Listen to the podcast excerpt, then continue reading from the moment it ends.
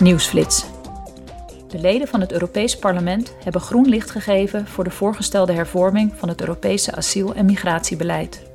De Commissie Burgerlijke Vrijheden, Justitie en Binnenlandse Zaken heeft deze week een nieuwe aanpak goedgekeurd om migratiestromen naar de EU in goede banen te leiden. Verder zijn er speciale regels vastgesteld voor de aanpak van crisissituaties als gevolg van migratie. Lidstaten die in bepaalde periodes onder druk staan vanwege het grote aantal migranten en asielzoekers dat hun land binnenkomt, kunnen profiteren van vrijwillige solidariteitsbijdragen van andere EU-landen om de migratiedruk te verlichten. En wel in de vorm van herplaatsingen of hulp bij het opbouwen van capaciteit in die landen.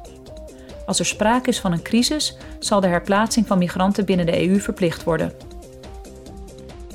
De leden van het Europees Parlement hebben strengere regels goedgekeurd om de bestaande problemen bij de bestrijding van het witwassen van geld, terrorismefinanciering en het ontwijken van sancties in de EU op te lossen.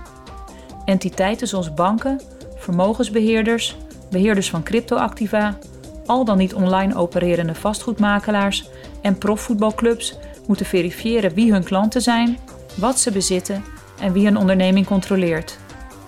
Ook zullen zij gedetailleerde risico's op witwassen en terrorismefinanciering in hun sector moeten vaststellen en die informatie aan een centraal register moeten doorgeven.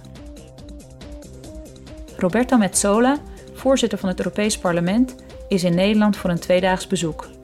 Morgen zal zij in Den Haag een persmoment hebben met premier Mark Rutte, waarna zij met elkaar in gesprek zullen gaan. Ook zal Metsola een ontmoeting hebben met de ministerraad en op audiëntie gaan bij koning Willem-Alexander.